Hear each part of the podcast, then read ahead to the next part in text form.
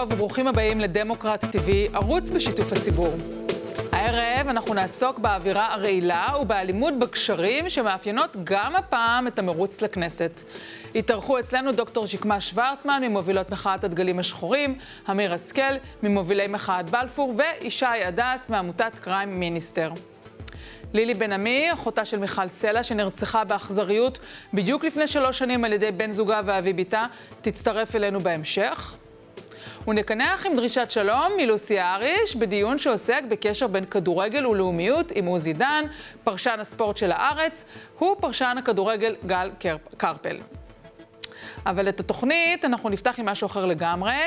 בשבועות האחרונים אנחנו uh, מביאים מסר חד וברור נגד העמדות הגזעניות וההומופוביות שמייצגים חבר הכנסת איתמר uh, uh, בן גביר ושותפיו, ואנחנו מספרים על הקרע העצום שהם עלולים ליצור כאן בישראל, אם יגיעו לתפקידים בכירים במדינה עם uh, הרבה מנדטים. הבוקר, בעקבות חשיפה של העיתונאי ברק רביד, שהוא הכתב והפרשן המדיני של אתר וואלה, עושה רושם שהנזק של בן גביר יכול להעיב גם על קשרי החוץ של ישראל. במילים פשוטות וברורות, אומר בכיר בסנאט האמריקאי, אה, הסנאטור בו מננדז, כי כניסתו האפשרית של בן גביר לממשלת אה, נתניהו עלולה להזיק לברית של ישראל עם ארצות הברית. למי שלא מכיר, מננדז הוא מגדולי, מגדולי התומכים של מדינת ישראל, הוא הצביע נגד הסכם הגרעין עם איראן, הוא דמוקרט, אומנם אה, בצד הדמוקרטי, אבל מאוד ניצי ביחס שלו ובצרכים של ישראל להגן על עצמה מבחינה ביטחונית. אה, ולשם כך, לשם הדיון, אנחנו מארחים היום את מייקל אורן, לשעבר שגריר ישראל בארצות הברית. הוא מצטרף אלינו. שלום, אה, מייקל, מה שלומך? בסדר, טל, טוב להיות איתך. כן. שלום. אז מננדז כמובן אמר את הדברים ב... כשהוא היה בישראל לאחרונה, בפגישה סגורה עם נתניהו, ואנחנו אה, בעצם מבינים שנאמרו שם דברים חריפים. תגיד לי אתה, זה אולי כמעט אה, חסר תקדים? אה, זה, זה קרוב בעצם לאיזשהו סוג של הטלת וטו מטעם הממשל? אנחנו יודעים שמננדס גם משפיע במפלגה הדמוקרטית וגם משקיע, משפיע על הבית הלבן. זה לא, זה לא, לא, לא, לא תקדים, טל. היה עוד בשנות ה-80, שנות ה-90, כאשר השתתפו בממשלה שרים ממפלגות שתמכו ברעיון של הטרנספר, מי שזוכר את זה, אה, גם סמוטריץ' שהשתתף אה, בממשלות קודמות, אז יש תקדימים, אבל לא משנה. אין ספק, אין ספק שאם בן גביר יזכה באיזה תיק אה, בתוך הממשלה הבאה, זה ישפיע על יחסינו חוץ בכלל, וביחסינו הבילטרליים, במיוחד עם ארצות הברית. ובמיוחד אה, עם המפלגה הדמוקרטית. אבל בוא נדייק את זה. בעצם אה, בן ארי, שהיה איתו במפלגה בשלבים הקודמים שלה, בגלגולים אה, הקודמים, כשעוד קראו לזה בשם אחר, ואחר כך הם עברו להיות עוצמה יהודית, אבל בן ארי הרי ניסה להיבחר לכנסת ב-2019 במקביל לבן גביר, ונפסל על ידי ועדת הבחירות, נפסל על ידי, סליחה, נפסל על ידי בג"ץ. בן ארי מוגדר עדיין כחבר בכך, בכהנא חי, ואנחנו יודעים, גם כהנא חי וגם בן ארי, כהנא חי נמצאת ברשימת ארגוני הטרור של ה-State Department, של האמריקאים, ובן ארי בעצמו, אה, איך אומרים, הוא, אה, הם אסרו את כניסתו לארצות הברית, הוא היה חבר כנסת למי שלא יודע, והוא איש קרוב לבן גביר, למרות שהם כביכול מנסים להציג איזשהו קמפיין של ריחוק כרגע. כן, כן. משם זה לא מגיע? לא משנה. רע רע רע ליחסי חוץ שלנו, mm-hmm. אפשר לבוא ולהתחכם ולומר, גם, יש גזענים גם בקונגרס האמריקאי, לצערנו לא, לא מעטים, אגב, גם במפלגה הדמוקרטית יש גזענים, גזענים נגדנו, אז אה, אוקיי, למעצמה לאחד, ולנו... אתה מדבר על אלו שישראל מנעה את כניסתם לישראל ומשווה בין זה לבין אה, זה, כיוון שהוא ברשימת אה, ארגוני הטרור בארצות הברית, לא סתם מונעים את כניסתו. אני חושב, פשוט, להערכתי, מי ששולל את זכותה של העם היהודי, זכותה של העם היהודי לעצמאות במדינה ישראל, אנטישמי, אוקיי? Mm-hmm. אז יש אנטישמים גם. כן. בסדר, יש גם גזענים, אבל לא משנה. לנו, uh, לנו יש אינטרס אסטרטגי ביחסים כמה שיותר קרובים עם בת בריתנו הכי חשובה, הכי גדולה בעולם, עדיין ארצות הברית, uh, וצריך לקחת בחשבון שמי שמכהן כשר בממשלת ישראל אה, עלול להשפיע אה, לרע על יחסים עליו. אוקיי. אני רק להבהיר את עצמי, בן גביר אינו מנוע כניסה לארצות הברית, שאף אחד לא יבין פה לא נכון. הוא, אה, הממשל האמריקאי לא תייג אותו כחבר בארגון טרור, למרות כל ההרשאות שלו על הסתה, אבל האם זה הכלי היחיד שיש לאמריקאים לעשות כרגע, לבוא ולהגיד בשיחות פרטיות, אה, היזהרו? יש להם עוד כלים? לא, יש להם כל מיני כלים. הם יכולים, נגיד, אה, להשתמש כעילה, לנקוט בצעדים נגד בנייה ביהודה ושומרון, פתיחת הקונסוליה האמריקאית אה, במזרח עיר ירושלים, כל מיני, כל מיני. בגלל בן גביר. כיהנתי כרגע טל כשגריר, ואת מכירה אותי כשגריר, הייתי מנסה לעגן את זה ולהגיד, הנה, רציתם דמוקרטיה, קיבלתם דמוקרטיה, mm-hmm. ומה לעשות, אנחנו לא שותים על, על הקלפי, כמו שאתם בארצות הברית לא שותים על הקלפי, ולכן אמרתי, אה, יש גם גזענים בקונגרס האמריקאי. Mm-hmm. זה, זה לא קל, זה לא קל, ויש מחיר, שלא תהיינה אשליות, יש מחיר. Mm-hmm. זאת אומרת, אנחנו כישראלים יכולים לפרש את זה, או לפחות צד ימין של המפה, כהתערבות בריבונות שלנו, כפגיעה בנו? מה, מה אמור נתניהו לעשות עם המידע הזה כעת? תמיד מתערבים בריבונות שלנו, מתי שלא. הסיפור של שירין אבו עקלה, כל הזמן הטילו ספק. באמינות של המערכת המשפטית שלנו ושל מערכת המשפט, של, צה"ל אה, וכולי. אה, זה עניין של מה בכך ביחסינו, זה לא בסדר, אבל מתערבים. אנחנו צריכים להגן על הדמוקרטיה, כלפי חוץ, אבל מאחורי הקלעים צריך אה, להפנים, להפנים שכפי שאמרתי, אה, יש מחיר דבר כזה. מה אתה מציע לנתניהו לעשות לאור הפרסום הזה של ברק רביד? אתה מציע לו להרחיק את עצמו, להודיע שהוא לא ממנה את בן גביר לשר, או לשר זוטר אולי לשים אותו? מה, מה, או להעביר בערוצים... שואלת אותי בתור אזרח? אה, לא, אני שואלת אותך בתור חבר בכיר בקואליציות אה, לשעבר, כולל נדמה לי בקואליציה שנתניהו היה ראש הממשלה בה. היה מאוד קשה, והיו גם אמירות גזעניות. הנה, הזכרתי את סמוטריץ' אה, קודם, שאמר פעם שהוא לא רוצה שאשתו תבלט כן. לידה, כן, בחדר לידה יחד עם הערביות, לך להסביר את זה לאמריקאים. כן. הסברתי כפי שאמרתי, זה אין, יש גזענות בתוך הכנסת, יש גזענות בתוך הקונגרס האמריקאי, זה גם, גם המחיר של הדמוקרטיה, אבל זה, זה לא עוזר לנו, וזה זה לא טוב, והייתי מציע, והייתי מצפה, הייתי רוצה, להרחיק את הגזענים בכל ממשלה אה, בישראל. זאת אומרת ו... לא למנות את אה, בן גביר לשר? אני, אני חושב שעדיף שלו, mm-hmm. ועדיף שלו ודאי, ואפשר להגיד ממשלה, אפילו ממשלת אה, ימין, בלי הימין המאוד מאוד אה, קיצוני והגזעני. זהו, תראה, יש עכשיו איזושהי גישה שבאה ואומרת, תראו, אה, בעצם הפרסום הזה, מה שהוא עלול אה, לעשות, הוא עלול להיות פרסום שיפעיל לחץ על אה, המחנה הממלכתי, אולי אפילו על יש עתיד, לבוא ולהגיד להם, תראו, זאת אומרת, זה בעצם איזשהו קלף משחק לנתניהו. הוא יכול לבוא לבני גנץ ולהגיד לו, תראה, בוא תעשה לי את הטובה הזאת ותיכנס איתי, כי אחרת תראה מה יקרה. אם אני, אה, אלך, אם אני אהיה חייב ללכת עם בן גביר, אני כן. בעצם אקבל פה איזושהי אה, ביקורת מאוד קשה מהאמריקאים, וזה כאילו עבור נתניהו מעין שימוש מניפולטיבי לגרום לבני גנץ להיכנס איתו. זה קצת אה, קונספירללי, קצת יותר מדי, כן. אה, אבל אה, בכל זאת אולי אפשר, יש מקום לשלוח איזה מכתב תודה לרוברט מננדז. Mm. כי אני מכיר היטב. לא רק על הנושא של בן גביר, על דברים אחרים מאוד צריך לשלוח לו מכתב תודה, נכון? לא, הוא אכן שצריך, הוא הצביע נגד הסכם הגרעין ב-2015 כדמוקרט, אפילו לחצים עליו אדירים. כן. אפילו פיתחו כל מיני טענות שלו, רצו להעמיד אותו למשפט. אה, ולא הצליחו, אדם לא, המשפט שורד. שלו לא קשור, היה לו משפט על חשדות לשחיתות שהוא זוכה במשפט, לא קשור לנושא האיראני בכלל. או, או לא, או אתה לא, חושב שזה או קשור. איך היה קשור. או איך היה קשור. הבנתי. ותפרו לו איזה משהו. תפרו לו איזה משהו, ולא הצליחו. טוב, הוא, הוא זוכה, כן, הוא אדם ישר. לכן, לכן, כשהוא אומר דברים, צריך פשוט להקשיב לו. כן. צריך לשים לב. זה לא, זה לא סתם סנאט. Mm-hmm.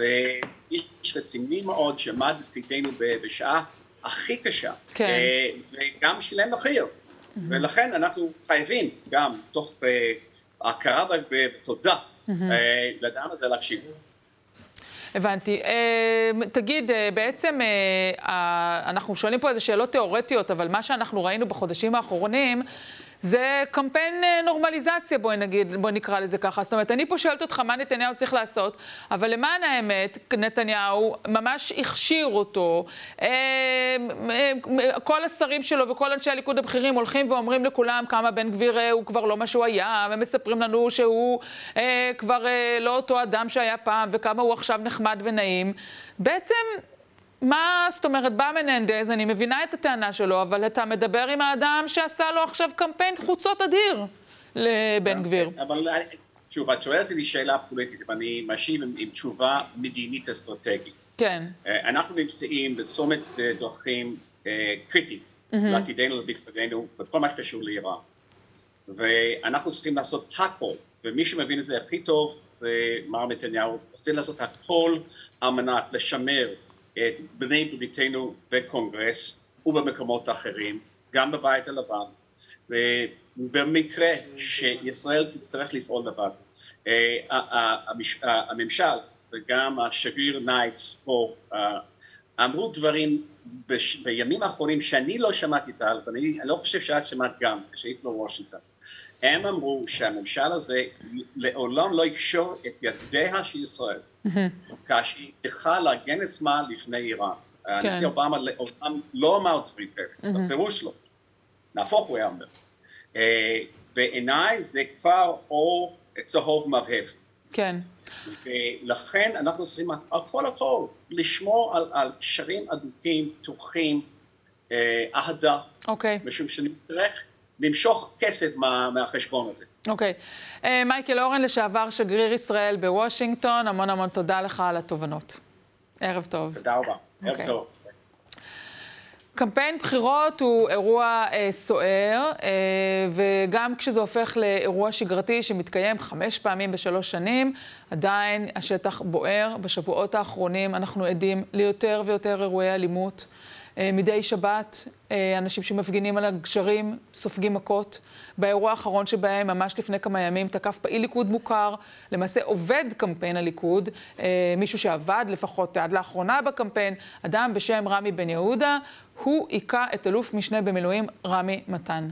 נמצאים איתי כאן באולפן דוקטור שקמה שוורצמן, ממובילות מחאת הדגלים השחורים, ותת-אלוף במיל, אמיר השכל, שנדמה לי שאין צורך להציג לצופינו, אה, ואנחנו מצרפים אלינו גם בזום את ישי הדס, מעמותת קריי מיניסטר. שלום לשלושתכם, ערב טוב. תודה שהתאמצתם ובאתם אה, עד אלינו. אה, שקמה, נתחיל איתך, אתמול היית בגשרים. כן. איפה היית? באיזה גשר? אתמול הייתי גם בעין חמד וגם במסילת ציון.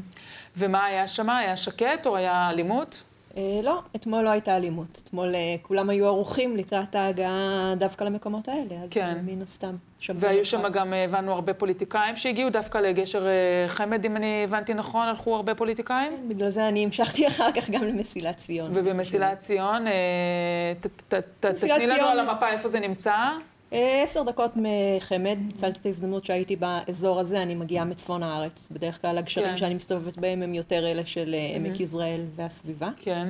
אה, אז יש קבוצת אנשים שמגיעה למסילת ציון כבר אה, הרבה זמן, אה, גם בסבב הקודם וגם בסבב... ושם היה שקט? שם היה שקט, כן. אוקיי. חבר'ה, ילדים.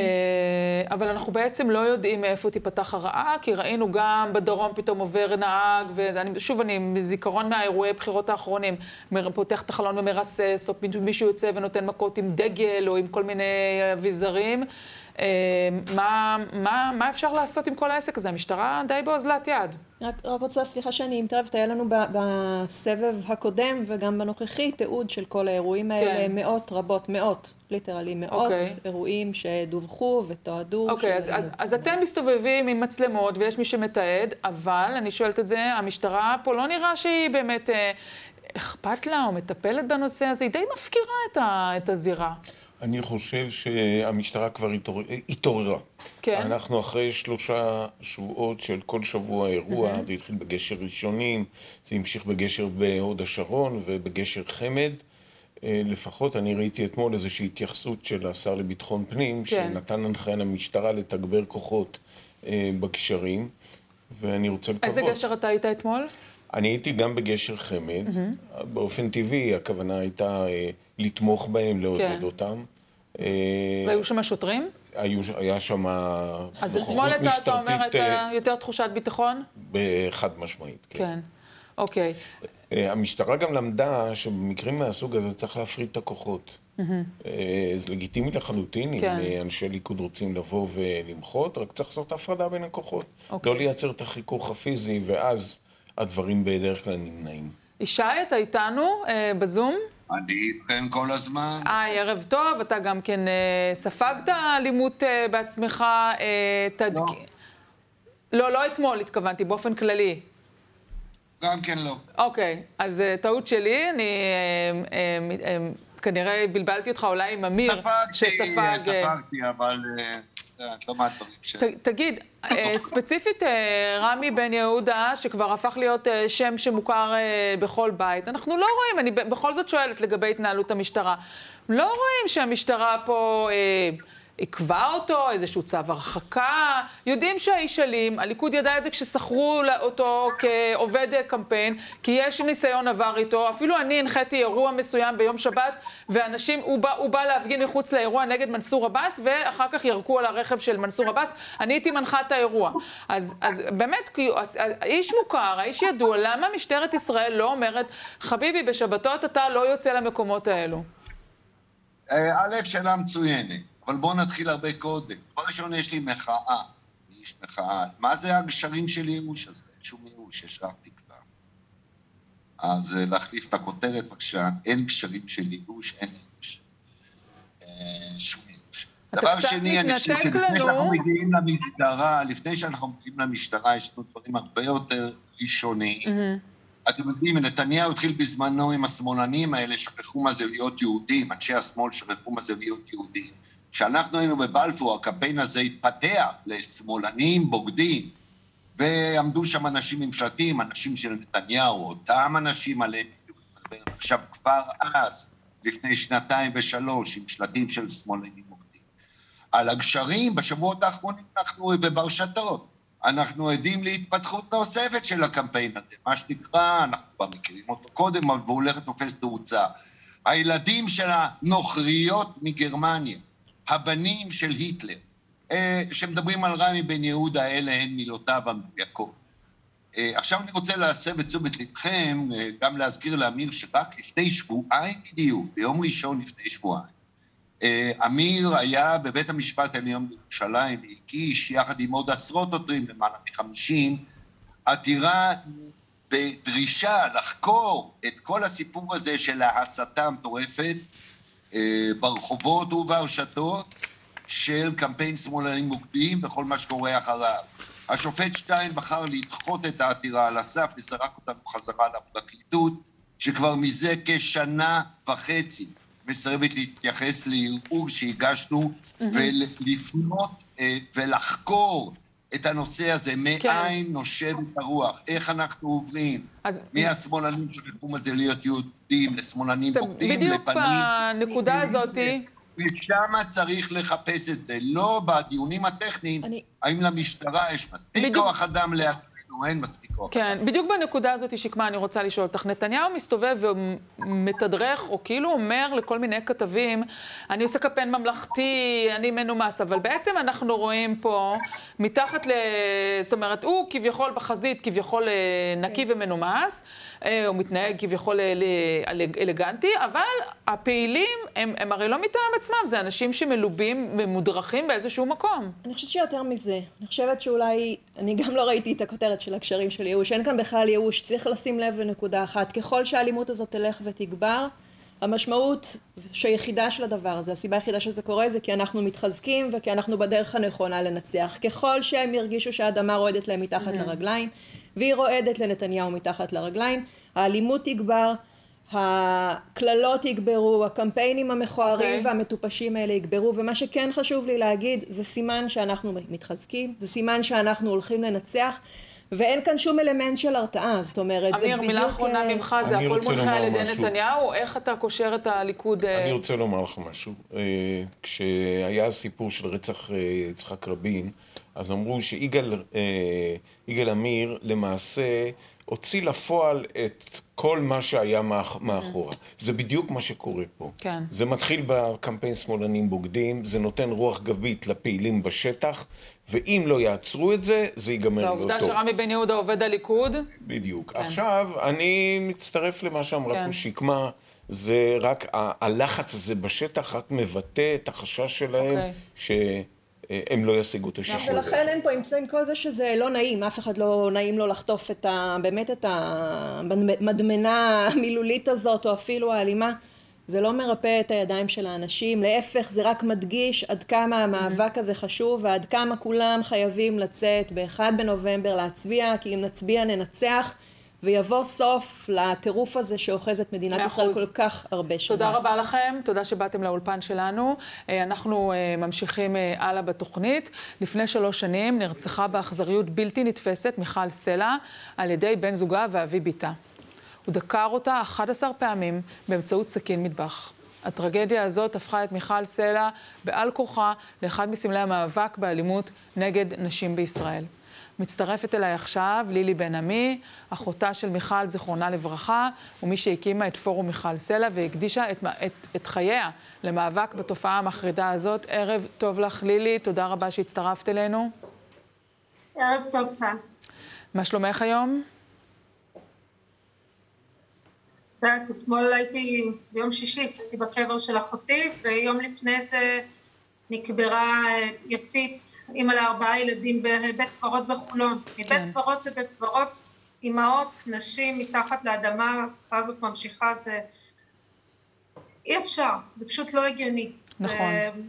אה, נכון, אה, יפית אה, פוריאן, בת השלושים, אה, שהחשוד ברצח הוא כמובן הבעל שלה, שכנראה גם הצית אותה אחרי שהוא רצח אותה, לפי החשד.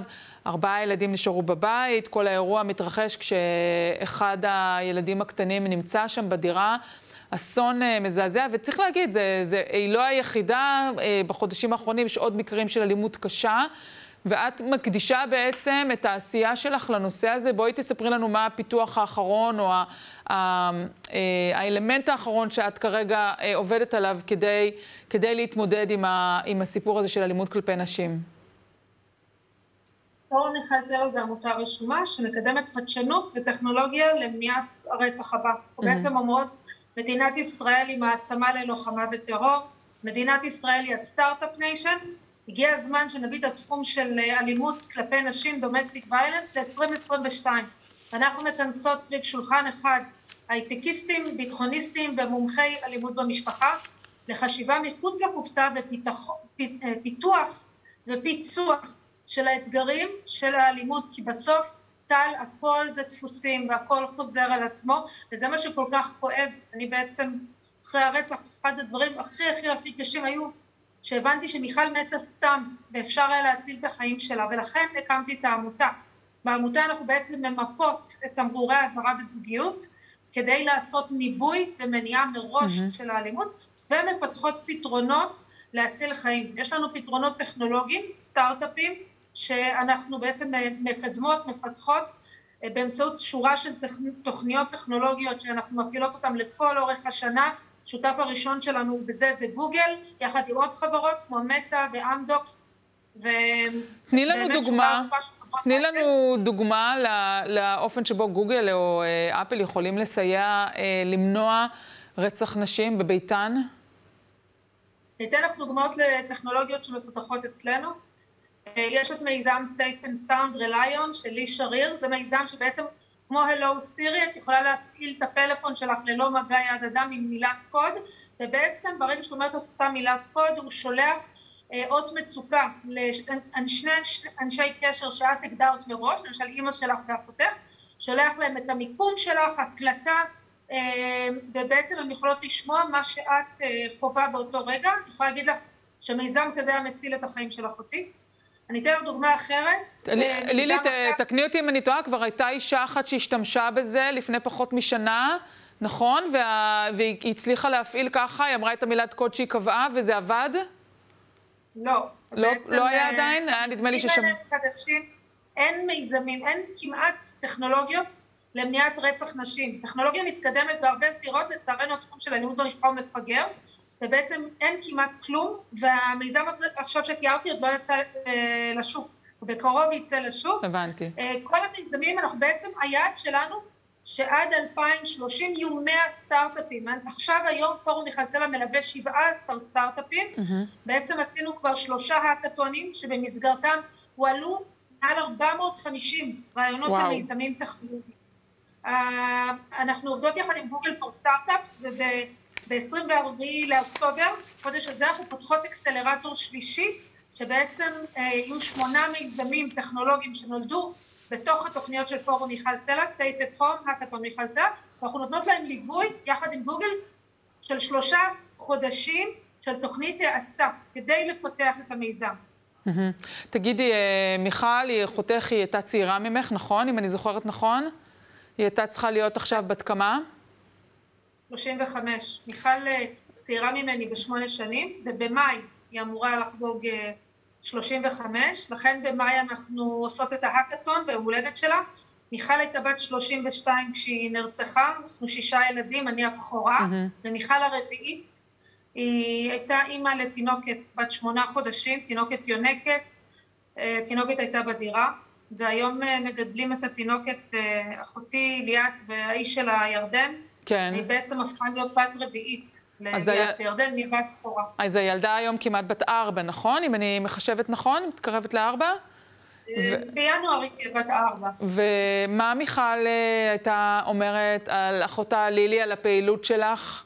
אם היא הייתה יכולה, אה, את יודעת, אה, להכיר את זה, להיות מודעת לזה, כי את, את הנושא של האלימות כלפיה, אתם לא, אתם, אתם לא ידעתם, אבל היה לכם איזה שהם חשדות, נכון? לא. לא? לא ידענו כלום, וזה היה כרעם ביום בהיר, אני מעולם לא ראיתי אותו מרים את הקול, מעולם לא ראיתי אותם רבים. אה, לא, לא היה לנו שום מושג, וגם לא הייתה אלימות פיזית קודמת, כלומר גם מיכל לא ידעה שהיא בסכנת חיים, אני אומרת לך את זה בוודאות, אני הייתי איתה שעה וחצי לפני הרצח. Okay. אוקיי. מיכל לא ידעה שהיא בסכנת חיים והיא לא פחדה מאלירן מלול, מהרוצח האכזרי, ולמעשה כמחצית מהנרצחות לא הייתה אלימות פיזית קודמת, ולכן הם לא חששו לחייהן. מה כן כולן? הם רצו להיפרד. כן. כולן רצו להיפרד, הייתה אובססיביות מצידו, הוא סירב להיפרד, ולכן אנחנו אומרות, אם את מזהה את תמרורי אזהרה בזוגיות, לא להיפרד לבד, להתקשר 118, לקבל ליווי מקצועי, אה, קודם יעשו לך אבחון, כי זה בסוף סימנים, אותה מומחית אלימות במשפחה היא תעשה לך אבחון, ואחר כך היא תגיד לך, תעשה לך ליווי, איך לעשות את זה בצורה נכונה ובטוחה.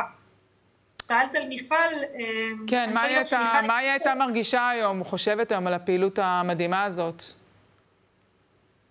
מיכל הקדישה את חייה לעזרה לזולת, היא הייתה עובדת סוציאלית, סיימה תואר שני באוניברסיטה העברית בהצטיינות, וכל החיים שלה היא בעצם עבדה עם אוכלוסיות מוחלשות, כמו נפגעות תקיפה מינית, קשישים, ניצולי שואה ועוד.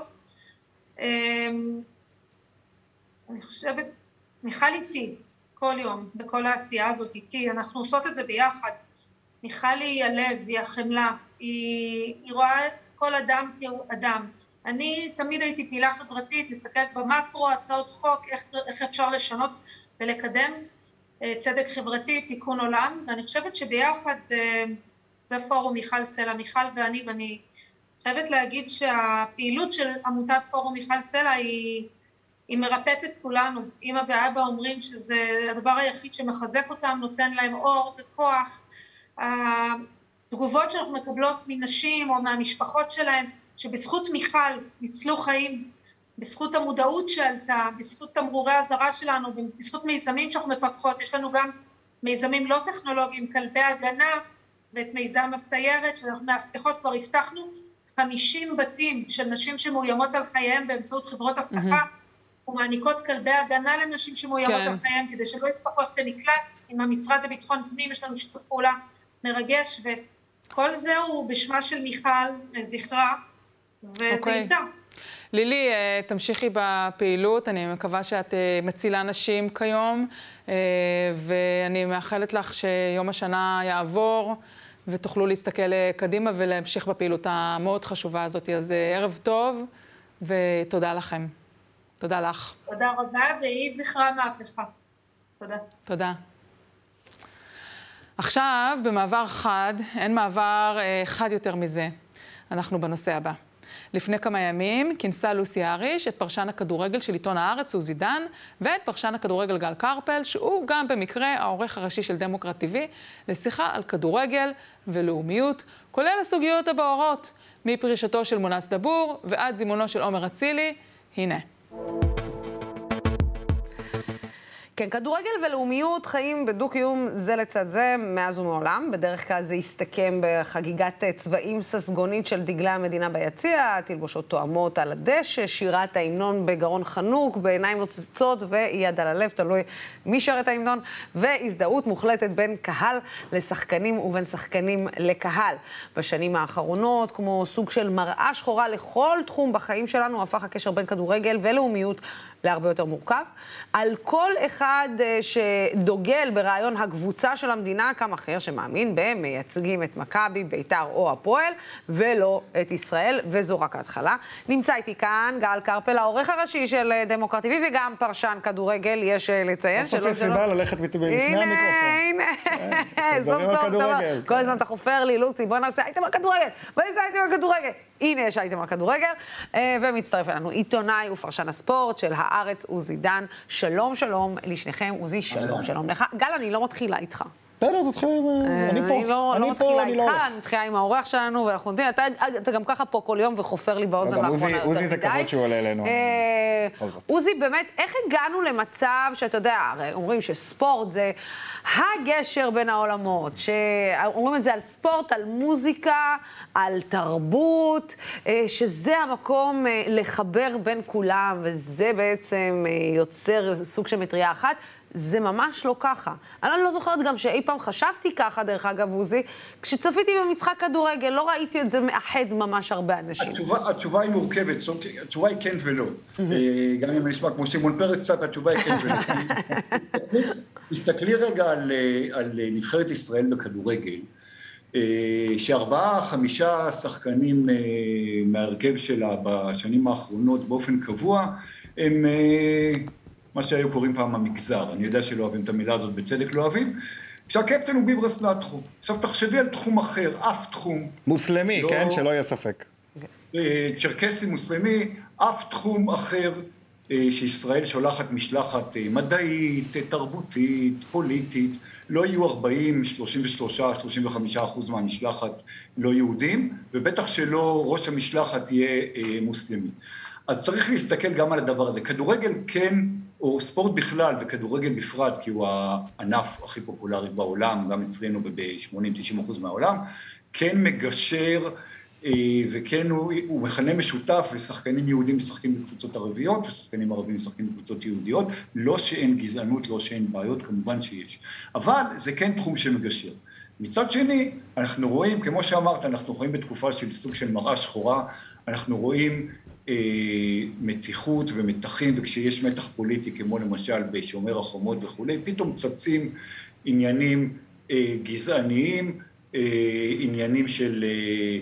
הרי יש ויכוח בארץ כבר כמה שנים טובות, מאז שביברס קפטן, אבל גם לפני, למה השחקנים הערבים לא, לא שרים את ההמנון? עכשיו, כן. ואייל ברקוביץ' אפילו, הלאומן, אפשר להגיד, להבדיל מלאומי, אלא לאומן אומר מה פתאום, אי אפשר שקפטן לא ישאיר את ההמנון. עכשיו כמובן שאפשר, כמובן שיש דברים כאלה, אנחנו מכירים את זה מנבחרת צרפת, מנבחרת גרמניה, שחקנים אה, או, אני רציתי להזכיר את זה, אני רציתי להזכיר את זה רגע. לא שרים את ההמנון. שנייה, שנייה, תנו לי לסיים שנייה. כל עוד, כל עוד אה, אה, שחקן מכבד את החולצה, את הדגל ואת ההמנון הזאת, עומד בהמנון, אף אחד לא יכול לדרוש ממונס דבור למשל, שתכף ניגע גם בנקודה שלו, אה, לשיר נפש יהודי הומייה. זה לא לעניין. כן אפשר לדרוש ממנו לעמוד בהמנון ולכבד נכון. את ההמנון, וזה בדיוק, בדיוק מה שנעשה. אבל אה, הקטע הזה של... אה, הקו, הקו הדק מאוד מאוד בין אהדה, פטריוטיות ולאומיות לבין לאומנות, אנחנו רואים אותו בכל תחומי החיים. בכדורגל, בגלל שביציע אפשר להגיד הכל, ומותר להגיד הכל, ואפשר להתנהג לא כאילו אתה בבית, או... זאת אומרת, בכדורגל ובכביש זה שני המקומות שאתה יכול להוציא את האגרסיות שלך. אז אנחנו רואים את הדברים האלה לצערי, אה, ובמקרה של מונס דבור, שכביכול אה, הזדהה עם, עם, עם, עם מבצעי פיגועים, הוא לא הזדהה עם מבצעי פיגועים, הוא כתב שאללה ישלם לבני העוולה, ציטט מהקוראן. כן. אגב, אגב, זה היה בהתייחס לסיפור מאוד מאוד ספציפי, עוזי. אין ספק. אני פשוט מכיר קצת, אני מכיר קצת אנשים, כן. אני מכיר אנשים שקרובים אליו, זה היה באמת, היה סיפור ספציפי על בן אדם מבוגר שהוכה, בין אם היה ולא היה, זה לא העניין. הוא ראה סיפור וכתב עליו הערה מאוד כללית. לא רק שאתה צודק, נגיד דבר הפוך. אם היום היו סכסוכים, בעיות, פרעות, תקרא לזה איך שאתה רוצה, במדינה אירופית, בין המיעוט היהודי לרוב, והיה קם שחקן יהודי, וכותב איזה פוסט שאולי, אנחנו כולנו, זאת אומרת כל אוהדי הכדורגל שיצאו על מונס, היו אומרים, אה, איזה גבר, איזה יופי. הכל פה מפוזיציה, מונס דבור... ברור שהכל מפוזיציה, ברור שהכל מפוזיציה. מונס דבור לא, לא עבר שום, לא עבר שום קו אדום, ו... אל תשכח, אל תשכח, עוזי, שאנחנו ממליכים מלכים ביום אחד ואנחנו מפילים אותם להשפטות תוך שנייה וחצי בהתאם לפוזיציה. אני כן רוצה, אתה הזכרת את גרמניה והזכרת את צרפת. ובאמת, לפחות בכל משחקי המונדיאל, תמיד הדבר הראשון שקופץ לך לראש זה שאתה מסתכל על הנבחרות, אתה אומר לעצמך, אוקיי, צרפתים הם לא, וגרמנים הם לא. שנייה, שנייה. רגע, לא, לא, שנייה. בוא נגיד המוח הראשון, לא המוח, אתה יודע, האחורי, לא זה שרגע נכנס לדורנה, אבל זה האוטומט. זאת אומרת, כשאתה מסתכל, אתה אומר, רוב הקבוצה של נבחרת צרפת מורכבת מזרים, והרוב של גרמניה מורכבת מזרים, על אף שהם אזרחים גרמנים ואזרחים צרפתים. השאלה אם הסיטואציות האלה היו קורות בגרמניה ובצרפת, האם הסיטואציות האלה היו...